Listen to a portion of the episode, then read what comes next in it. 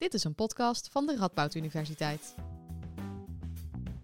En daar vinden wij het allerleukste, dat je al onderzoekend en al pratend tot iets anders komt, maar wat wel beter is en waar iedereen meer tevreden over is. Misschien krijg je net als ik wel een beetje jeuk van het woord werkervaring. Het is iets dat op je cv moet staan. Maar uiteindelijk gaat werkervaring natuurlijk over de ervaringen die jij hebt opgedaan in het werkveld. In de podcast Ervaring Rijker praten we met studenten en alumni over hun ervaringen. We starten met het onderwerp projectmatig werken en gaan in gesprek met alumna Willeke Gulen. Ik vraag onze gast van vandaag om zichzelf even voor te stellen. Nou, eigenlijk kom ik uit een hele ondernemende familie. Dus uh, ik ben heel in het begin wel eens een paar keer in dienst geweest bij verschillende bedrijven. Maar dat, ja, dat beviel me eigenlijk niet zo heel goed. Toen ben ik later nog een keer geschiedenis gaan studeren. En al eigenlijk halverwege miste ik het gewoon weer dat ik dingen zelf kon doen. Dus toen was ik alweer stiekem een beetje aan het werk gegaan. En uh, toen ik helemaal afgestudeerd was, toen dacht ik, ja, nou mag ik weer. Dus ik ben zelf projecten gaan bedenken, daar zelf mee naar mogelijke opdrachtgevers gegaan en zo van het een en het ander gerold. En um, ben ik nu echt uh, ondernemer in de geschiedenis, zoals ik het zelf graag zeg. En kun je wat voorbeelden noemen van projecten waar je het afgelopen jaar mee bezig bent geweest? Of misschien zelfs uh, een tipje van de sluier oplichten waar je nu mee bezig bent? Ik heb uh, een project gedaan met een fotograaf. En dat heette Dit is Beuningen.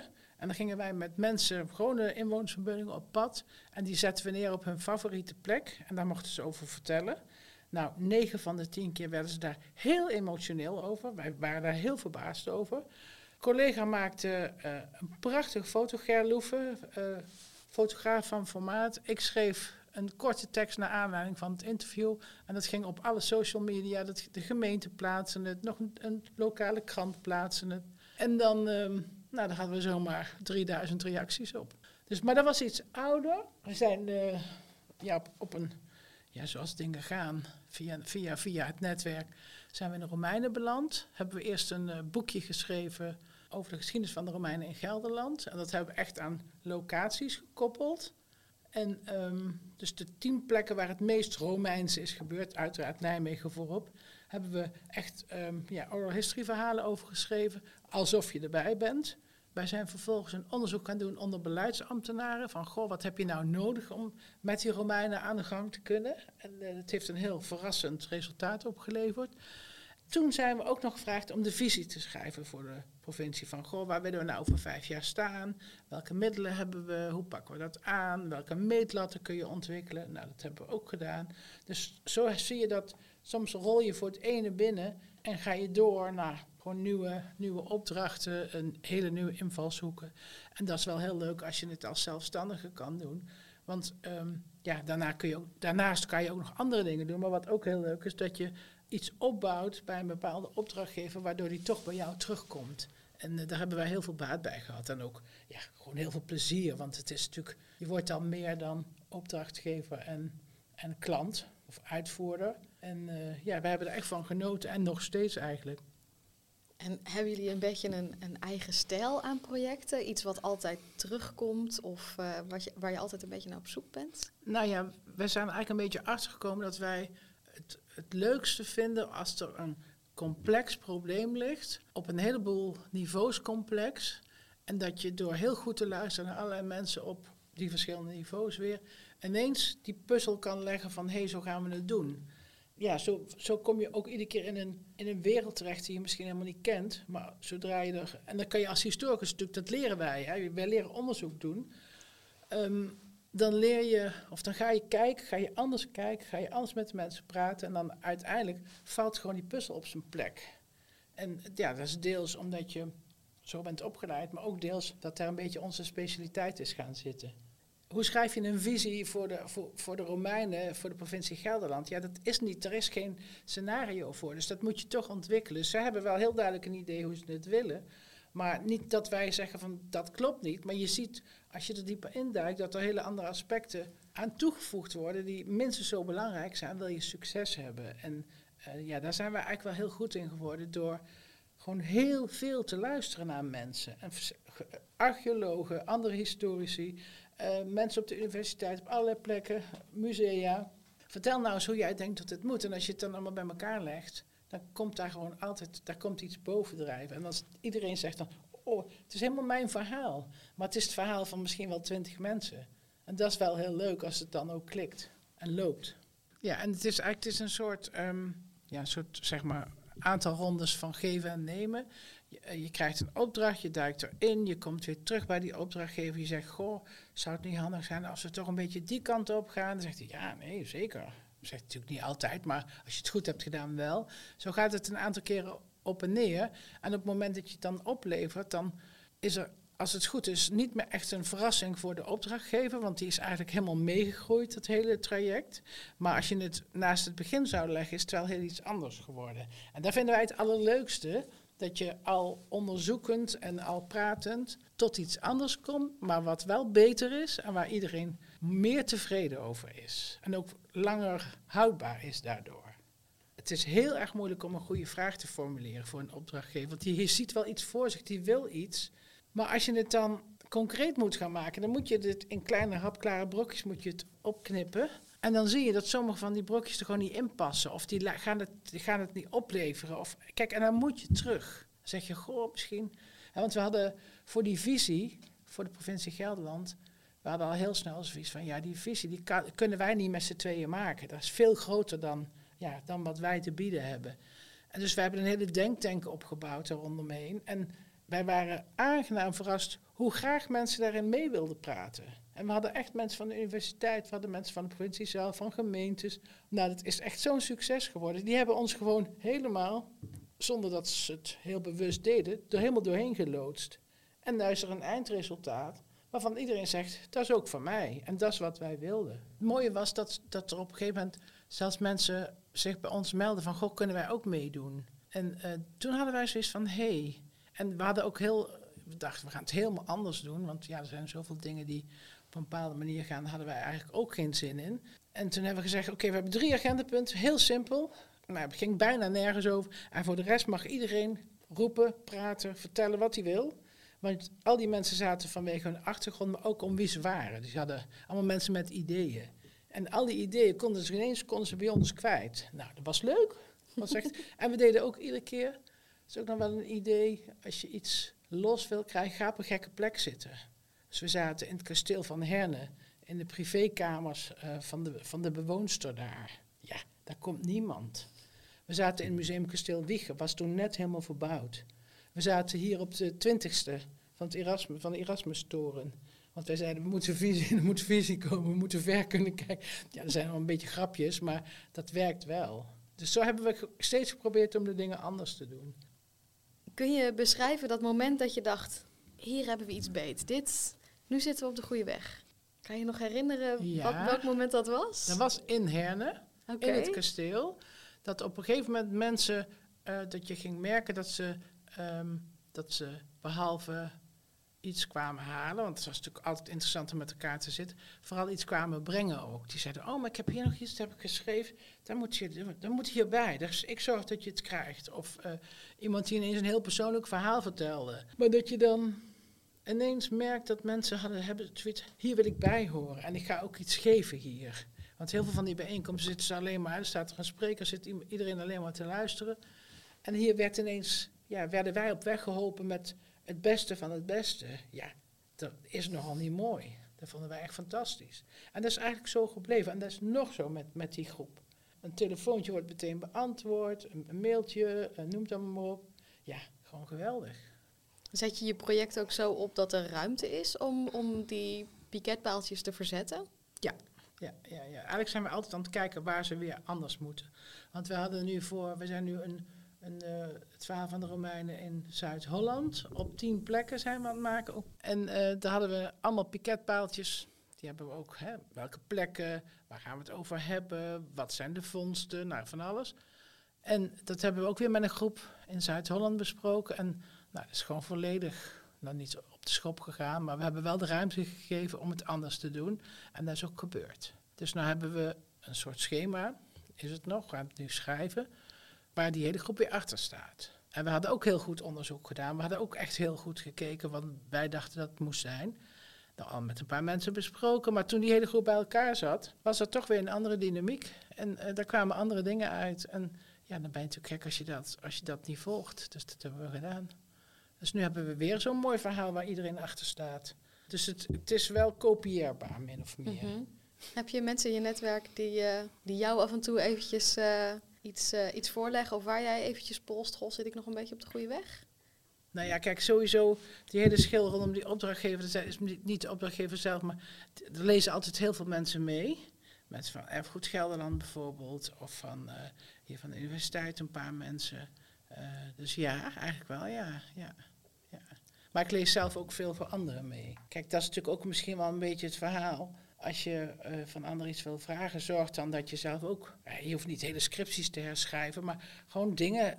Als iemand zegt, joh, kun je even meekijken? Ik doe het echt altijd. En dan is altijd, als, je van, als iemand zegt, kijk even mee, zeg dan altijd eerst tien dingen die goed zijn. Goh, dit heb je goed gedaan. Oh, dat vind ik een leuk inzicht. Weet ik het allemaal.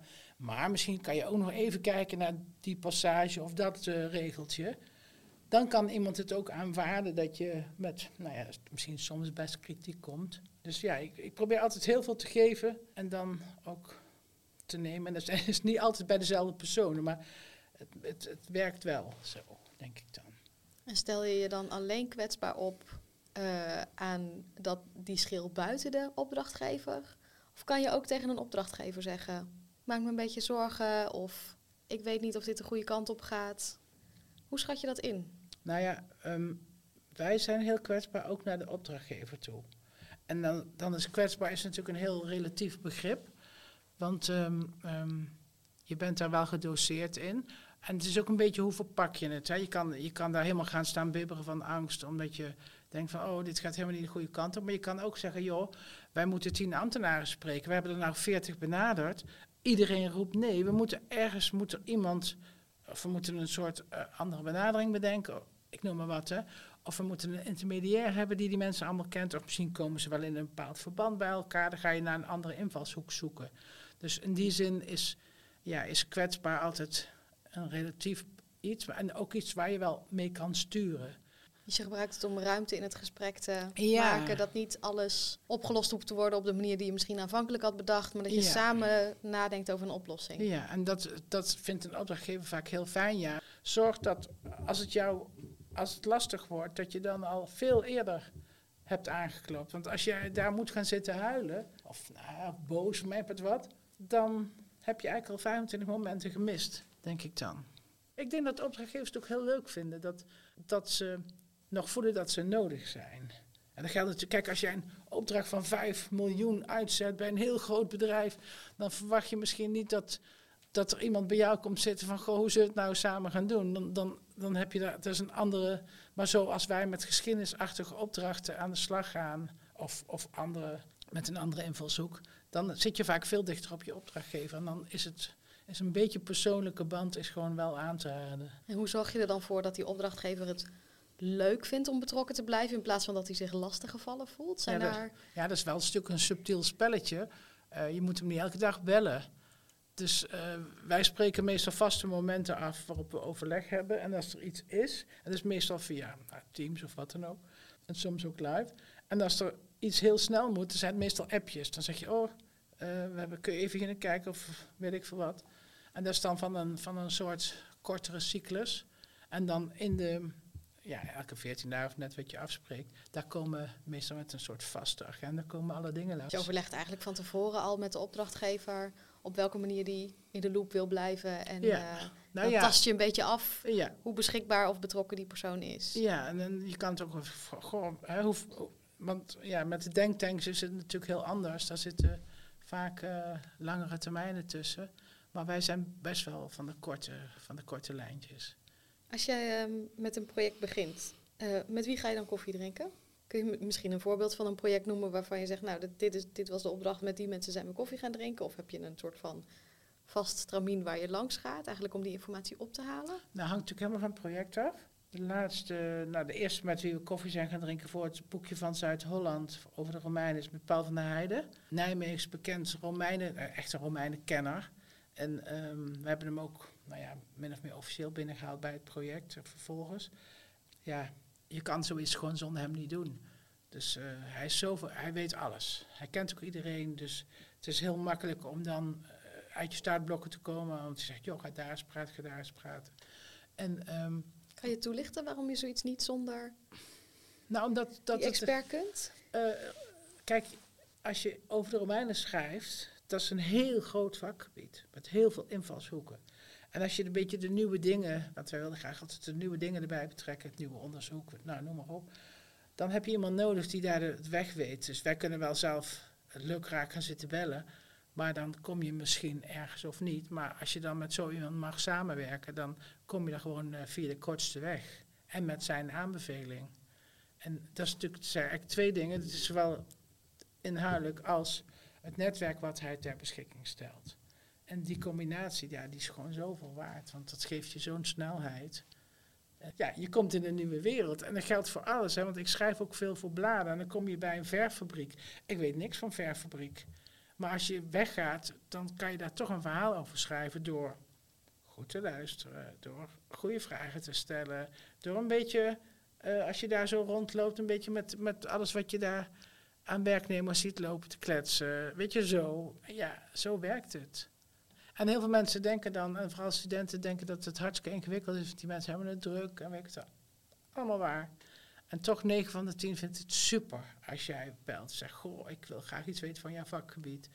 Ik heb gehoord dat jij dat heel goed kan vertellen. Uh, zou je voor mij een half uurtje tijd hebben? Nou, dan ben je echt, als degene die, dat, degene die dan nog nee zegt, dat is echt de hork van de eeuw. Zeggen we dan maar even heel bot. Want eh, bijna iedereen gaat daar wel op in. Want je maakt mij niet wijs dat er niet een half uurtje tijd is om even een student op weg te helpen. En wat zijn dan de do's en don'ts met zo'n uh, met zo'n kopje koffie? Wat, uh... hmm. de, de, de, de don'ts zijn als student of als in ieder geval als, als uitnodigende partij eerst eens een drie kwartier over jezelf gaan praten. Kijk, nu praat ik heel veel over mezelf, maar dat is normaal nooit zo. je laat altijd eerst die anderen en je zorgt ook dat je heel veel vragen hebt. En soms gaat het vanzelf, maar mocht het lastiger zijn, dan heb je heel veel vragen. En dan wordt die persoon uiteindelijk altijd nieuwsgierig naar jou. Want goh, hoe komt hij nou aan die vragen? En waarom komt hij bij mij terecht? Dat wil hij dan ook allemaal weten. Dus jij komt echt wel aan de beurt. Maar zorg dat die ander eerst komt. Want dan voelt hij zich... Ja, dan voelt, het is gewoon het is belangrijk om het zo te doen. En het is weer het kwestie van eerst geven dan nemen. Op het moment dat zo'n gesprek goed loopt, ja, dan kun je gewoon contact houden. Dan stuur je af en toe eens een mailtje of zeg... Goh, ik heb iets leuks gelezen, gefeliciteerd, weet ik veel wat. Dus dan hou je een beetje contact. En dan, als er dan een moment komt dat je weer iets van elkaar wil, dan kan dat. Dus je hebt een kopje koffie gedronken met de experts. Mhm. Wie zijn de volgende? Ja, met, met mensen die misschien alles een keer zoiets hebben gedaan op een andere. Er zijn niet per se inhoudelijke experts, maar er zijn mensen die misschien qua organisatievorm of wijze iets weten. Het zijn mensen die er misschien uiteindelijk voordeel van zouden kunnen hebben van jouw onderzoek. Die zeggen op en dat, dat onderzoeken. Kunnen wij eens even koffie drinken, want misschien heb je er wat aan. En misschien kun je mij ook nog een beetje helpen. Weet je, want bijvoorbeeld, je kan ook, uh, stel dat je een heel mooi project hebt. Uh, probeer eens met een journalist van de Gelderlander contact te leggen. Heel vaak zijn die toch op zoek naar mooie verhalen en mooie berichten. En dan kan, die, uh, ja, dan kan je hem of haar over je, over je project vertellen. En dan, uh, ja, dan heb je daar misschien ook weer iets, een, een nieuwe kant aan ontwikkeld. Dus ja, het, het kunnen zoveel verschillende soorten mensen zijn. Het kan ook uh, bij wijze van spreken je buurman zijn, hè, waar je gewoon het verhaal eens tegenaan houdt. Omdat hij misschien, weet ik veel wat, in die richting werkt. Of juist helemaal niet. Hè, dat het iets, iets tegengestelds is. Dus ja, de, je kan bijna met iedereen koffie drinken, denk ik wel eens, om iets beter te maken. Maar je bent natuurlijk selectief, want je hebt beperkte tijd. Maar het is altijd heel goed om te kijken van, goh, wat heb ik nou nodig om er een succes van te maken? En welke aspecten zitten daar aan en wie zou daar iets mij verder mee kunnen helpen? En omgekeerd liefst ook. Koffie drinken met mensen binnen de schil van de opdrachtgever of binnen de organisatie? Doe je dat Uh, ook? Ja, maar altijd een overleg met je opdrachtgever. Dat zou ik wel altijd doen. Want je zegt van, joh, je kan bij zo'n opdrachtgever zeggen, ik heb eigenlijk wel, een beetje meer voeling hier in het bedrijf krijgen. Met wie zou ik eens even, uh, met wie zou ik daar doorheen kunnen praten? En dan zegt hij nou Pietje, Jantje en weet ik veel wat.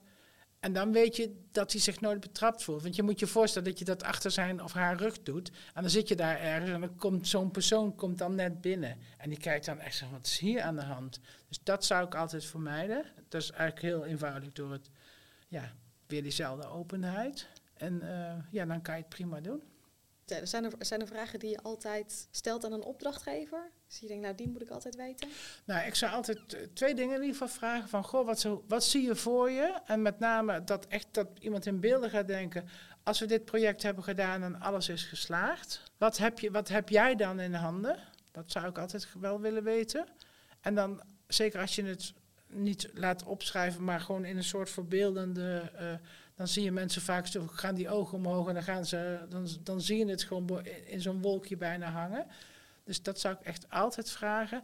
En, um, en misschien is dan daar de meer aardse versie van, uh, uh, wanneer vind jij dit project geslaagd? Laatste vraag, wat vind je het leukst aan je werk? Mm, het leukst vind ik toch het onverwachte, denk ik. En ook dat je dat je eigenlijk van het een en het ander naar het volgende rolt. Dat vind ik heel erg leuk, omdat we hebben nu toevallig drie dingen die met elkaar te maken hebben gehad, gedaan. Maar er zitten ook hele andere dingen tussen. En eh, ja, dan ineens uh, denk je, oh, ik krijg nooit meer werk. Dat is natuurlijk voor elke zelfstandige is dat natuurlijk een groot zwart, zo'n zwarte wolk die er altijd wel ergens hangt. En dan ineens komt er een mailtje binnen of gaat de telefoon en dan zeggen ze, oh, heb jij misschien tijd om dat te doen? Uh, heel toevallig heb ik daar tijd voor ja, dat het vaak zo uit onverwachte hoek komt. En uh, van mensen waar je het helemaal niet van verwacht. Of waar je bijvoorbeeld al twee jaar geleden koffie mee hebt gedronken. En die dan ineens denken van... Hey, wacht eens even, die zou je misschien wel willen doen. Dus dat, dat, je, dat het uh, van al die tien ijzers die je in het vuur hebt... dat er dan weer elke keer wel weer eentje uh, ja, naar je toe komt. Ik, het, onverwachte en het, en het diverse eigenlijk vind ik het leukste. Dankjewel voor het luisteren naar Ervaringrijker. De volgende keer gaan we in gesprek met een groep studenten.